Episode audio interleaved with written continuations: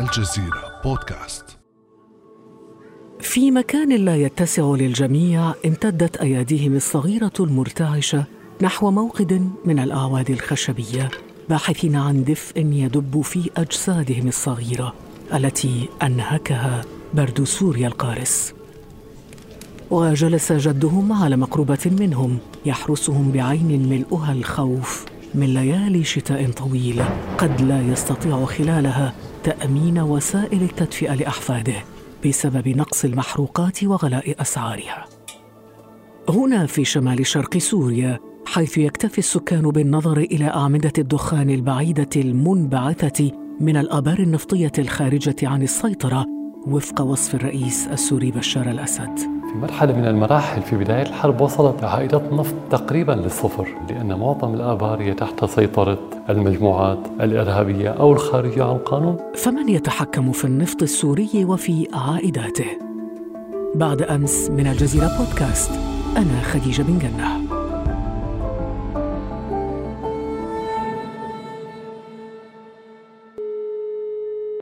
نرحب بالكاتب ومدير مركز إدراك للدراسات باسل حفار. أهلا وسهلا بك أستاذ باسل. أهلا وسهلا بكم. أستاذ باسل طال الجدل كثيرا حول النفط السوري فدعنا نروي بداية قصة الصراع الدائر حول النفط السوري. قصة الصراع حول النفط السوري بدأت ربما من ثلاثينيات القرن الماضي عندما اكتشف أن سوريا لديها ثروة نفطية وجاء ذلك بالتزامن مع اكتشاف بعض حقول النفط في العراق في المناطق الموازية أو القريبة من البادية السورية الشرقية. في هذه المرحلة كانت سوريا تحت الانتداب الفرنسي وبقي النفط السوري منذ الثلاثينيات وحتى الستينات تحت سيطرة شركات أجنبية فرنسية في الأكثر. في بداية الستينات أو في وسطها تقريبا بدأت تتعالى الأصوات بخصوص الثروة النفطية السورية وتشكلت شركة التنقيب السورية. وهذه الشركة بدأت تتحدث عن استخراج النفط السوري عن طريق التعاقد مع الدولة السورية مباشرة وليس عن طريق شركات أجنبية تتواجد على الأرض السورية وتقوم باستخراج النفط نعم بطاقة إنتاجية قدرها؟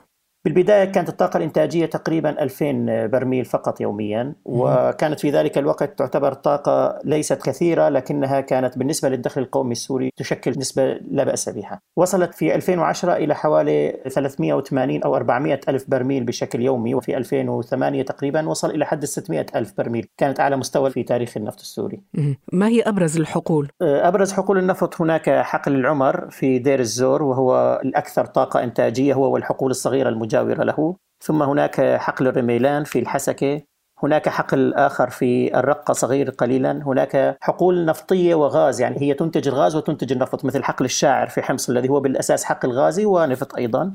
هناك حقل السويدية في الحسكة هناك حقل التيم وحقل الورد في دير الزور وحقل التنك في دير الزور. وهناك حقول أخرى موزعة حول هذه الحقول أيضا كثيرة يعني حوالي 24 حقل نفطي.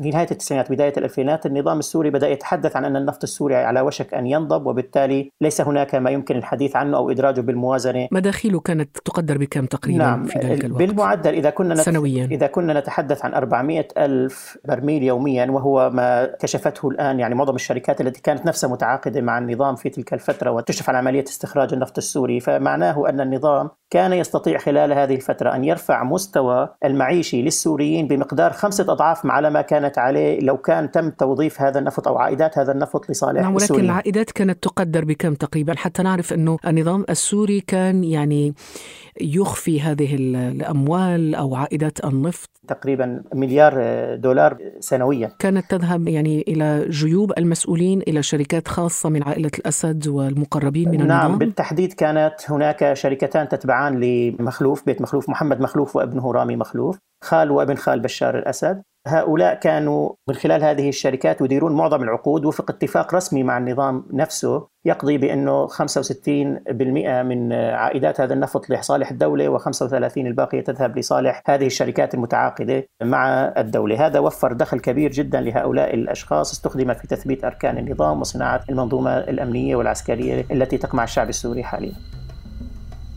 طيلة كل تلك الفترة لم تدخل عائدة النفط خزينة الدولة ولم يتم إدراجها حتى في الموازنة العامة حتى أن النظام السوري أخفى أسماء آبار نفط عديدة تم اكتشافها عندما اندلعت الثورة السورية عام 2011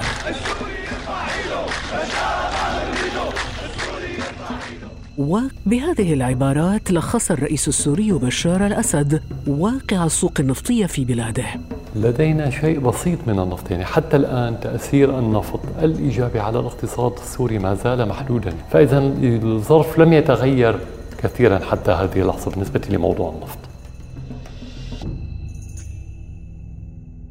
أستاذ باسل ما الذي حل إذن بحقول النفط السورية بعد الثورة السورية أي بعد سنة 2011؟ في نهاية 2011 بداية 2012 عملية نقل النفط من شرق الفرات باتجاه المصافي في مصفاة حمص أو مصفاة بنياس تقريبا تقطعت. هذا إضافة إلى أنه تعرض المصافي نفسها إلى هجمات وحصار وقطع طرق وما إلى ذلك فتعطلت عن العمل. أيضا بعض حقول النفط في البداية في 2012 بدأت تخرج من سيطرة النظام وأصبحت تحت سيطرة الجيش الحر أولا ثم انتقلت إلى سيطرة جبهة النصرة ثم وصولا إلى 2014 2015 دخلت تحت سيطرة داعش. ومن داعش تحولت إلى قوة سوريا الديمقراطية. ثم ب 2017 انتقلت السيطرة على هذه المناطق وعلى هذه الحقول إلى قوات سوريا الديمقراطية بدعم من الولايات المتحدة. وصولا إلى 2018 بداية 2019 كان حوالي 76% من مصادر الثروة السورية الطاقة السورية لواقع شرق الفرات تحت سيطرة قوات سوريا الديمقراطية. طب أستاذ باسل خلال هذه الفترة مع فقد النظام السوري للسيطرة على حقول النفط ومداخيل النفط كيف كان النظام السوري يؤمن حاجياته من النفط. النظام السوري منذ بداية الحراك في سوريا في 2011 بدأ يؤسس لشركات وسيطة. أشهرها الشركة المعروفة التي وردت في العقوبات الأمريكية والعقوبات الأوروبية شركة حسام قاطجي. حسام قاطجي رجل أعمال مقرب من النظام هو وعائلته. وقام بإنشاء شركات وسيطة. تعاقدت مع الجهات التي تسيطر على حقول النفط وبدأت تشتري النفط الخام من هذه الجهات لصالح النظام بأسعار مخفضة. على اعتبار أن هذه الجهات لدى سيطرتها على هذا النفط لا يمكنها أن تبيعه خارج سوريا لأن هناك عقوبات وهناك ترتيبات اقتصادية وسياسية سياسية وأمنية كبيرة يجب أن تجري، فبالتالي لم يكن أمام هذه الجهات من خيار إلا أن تبيعه إلى النظام السوري نفسه عن طريق هذه الشركات الوسيطة، هذا بدأ ب 2011 واستمر حتى الآن. أشهر هذه الاتفاقات أو عمليات التبادل هي الاتفاق الذي حصل مع داعش عندما النظام اتفق مع داعش على إرسال الخبراء وإرسال قطع الغيار لمؤسسات أو لوسائل استخراج النفط في منطقة شرق الفرات مقابل أن تحافظ داعش على إمداد النظام. يعني النظام أمد داعش بخبراء في استخراج النفط. نعم كان هناك مجموعة من الخبراء والمهندسين يأتون بشكل دوري كل شهر مرتين وأحيانا كل شهر ثلاث مرات تدخل إلى بعض هذه المنشآت وتقوم بإصلاح ما يلزم إصلاحه. أيضا كان هناك قطع غيار يجب توفيرها ونوع من الإدامة الهندسية أيضا كان يتم توفيرها في مقابل أن تقوم داعش بإرسال شحنات نفط خام ليقوم بتكريرها في مصفاة بنياس أو حمص أو غيرها ليقوم باستخدامها. يعني هذا كله في وقت كان يفترض أنه النظام في حرب مع داعش. طبعا كلا الطرفين في العلن يعلنون حربا على بعضهم البعض لكن عمليا كان هناك اتفاق ضمن هذا الإطار وكان اتفاق يشمل أمورا أخرى من ضمنها إمداد النظام لمناطق داعش بالكهرباء لأنه لا يوجد محطات كهرباء في تلك المنطقة فكان داعش يرسل النفط الخام جزء من كميات النفط تذهب لإمداد محطات الكهرباء التي كانت بدورها توفر الكهرباء لمناطق داعش. يعني النظام السوري الذي كان يشتري النفط من داعش أصبح فيما بعد يشتريه من الميليشيات الكردية في قوات سوريا الديمقراطية. بالضبط. وزارة الدفاع الأمريكية تقدر حجم الدخل من هذه المبيعات في زمن داعش بحوالي 40 مليون دولار شهريا بعد ذلك في فترة قوات سوريا الديمقراطية برقم يقترب من حوالي 47 أو 48 مليون دولار شهريا. يعني كأنه هناك تناقض في الموقف الأمريكي. واشنطن تعاقب النظام السوري وفي نفس الوقت تسمح لقوات سوريا الديمقراطية ببيع النفط للنظام السوري. نعم موقف الولايات المتحدة ميدانيا أو عمليا فيما يخص عملية تصدير النفط من مناطق شرق الفرات على يد قسد إلى النظام كان متقلب. في كثير من الأحيان كانت الولايات المتحدة تغض النظر عن مرور شاحنات النفط الخام عن الاتفاقات التي تجري. لكن في أحيان أخرى كانت تقوم هي بنفسها. طائرات التحالف كانت تقصف بعض هذه الأرتال وبعض هذه الشحنات وتمنع وصولها إلى النظام. ويبدو أن الرئيس الأمريكي يعني واضح في هذه المسألة حتى أنه يقول عدد قليل من الجنود الأمريكيين سيبقون في سوريا لحماية النفط. أنا أحب النفط.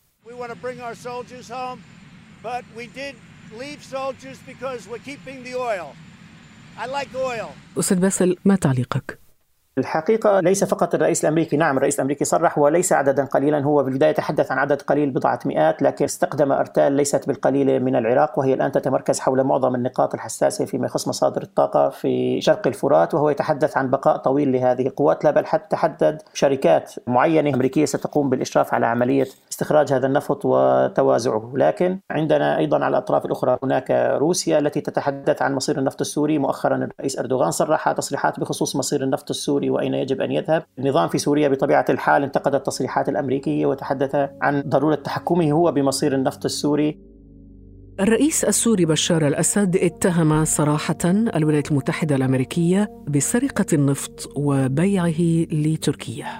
اليوم أمريكا تسرق النفط وتبيعه عبر تركيا، تركيا هي المتواطئ مع كل هذه المجموعات في عملية بيع النفط، لأن النظام التركي مساهم بشكل مباشر ببيع النفط مع النصرة سابقا وبعدها داعش واليوم مع الأمريكي. لكن الرئيس التركي نفى ذلك.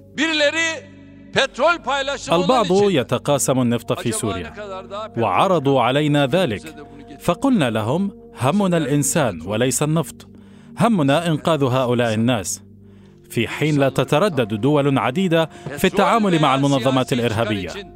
من أجل النفط ومن أجل مصالحهم السياسية. فإننا نحافظ على موقفنا المشرف في هذه القضية. في بعض الجهات الأوروبية وحتى أطراف معينة في المنطقة قامت بإثارة هذا الأمر باتجاه تركيا أنه تركيا تعاملت مع داعش أو اشترت شيء من داعش أو فتحت خطوطا تجارية مع داعش لكن لا يوجد لحد اليوم أي شيء يثبت أن هناك أي تعامل تجاري أو مادي أو حتى أمني بين داعش عندما كانت قائمة وبين تركيا هل الصراع أستاذ باسل محصور بين أمريكا وروسيا أم أنه البريطانيون والفرنسيون وربما أطراف أخرى أيضا داخلة في هذا الصراع؟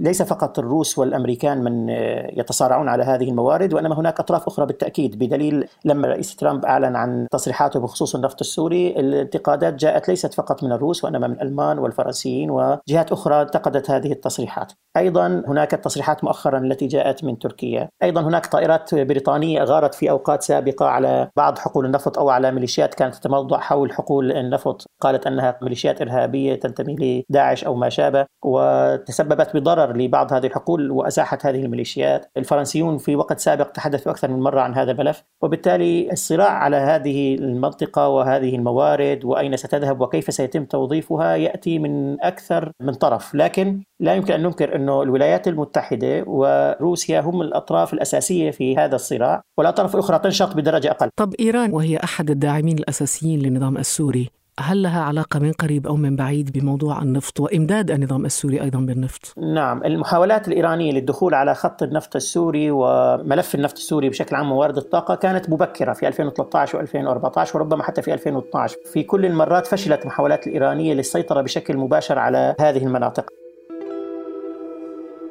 في ظل تواصل الاتهامات المتبادلة بين الأطراف المتصارعة على النفط السوري، صادق مجلس الشيوخ الأمريكي على قانون قيصر لحماية المدنيين في سوريا، والذي ينص على فرض عقوبات على النظام السوري وداعميه. قيصر لقب مصور عسكري سوري سابق انشق سنة 2013 وتمكن من تهريب آلاف الصور الفوتوغرافية لجثث ضحايا تعرضوا للتعذيب في السجون السورية أستاذ باسل هل ستنهي العقوبات المفروضة على النظام السوري وداعميه معاناة الشعب السوري؟ لا يعتقد أنه للأسف معاناة السوريين ستستمر إن المشروع قانون قيصر يعني يسمح بفرض عقوبات على النظام السوري والدول الداعمة له وفي المقدمة هنا يتم الحديث على عن روسيا وإيران تحديدا لمدة عشر سنوات بالإضافة إلى أن كل من يدعم النظام في مجالات الطاقة والأعمال والنقل الجوي وغيرها من القضايا. هذا سيعطل حركة الاقتصاد بشكل كبير للدولة السورية وبطبيعة الحال ينعكس على الدولة ينعكس بدوره على السوريين. السوريون أساسا يعانون من أزمة خانقة جدا آه، خصوصا في مناطق سيطرة النظام من أزمة خانقة جدا بما يخص الوقود ارتفاع الأسعار آه، وبالتالي هذا القانون هو يوفر ضغطا على النظام على أمل أن يرضخ النظام لحل سياسي ما من نوع ما في سوريا لكنه بالوضع القائم لا يعني يلغي معاناة الشعب السوري أو يخفف منها لا بل قد يحدث أو يتسبب بتصعيدها. شكرا جزيلا لك الأستاذ باسل حفار الكاتب ومدير مركز إدراك للدراسات. شكرا جزيلا لكم. إذا أكثر من ثماني سنوات مرت الآن والحرب الدائرة في سوريا ما زالت لم تلقي أوزارها بعد. وعلى الرغم من تعدد أطراف الصراع فيها فإن من يدفع ثمنها هو الشعب السوري. بعد أن أظهر تقرير أممي أن أكثر من أحد عشر مليون شخص في هذا البلد بحاجة إلى المساعدة الإنسانية. كان هذا بعد أمس.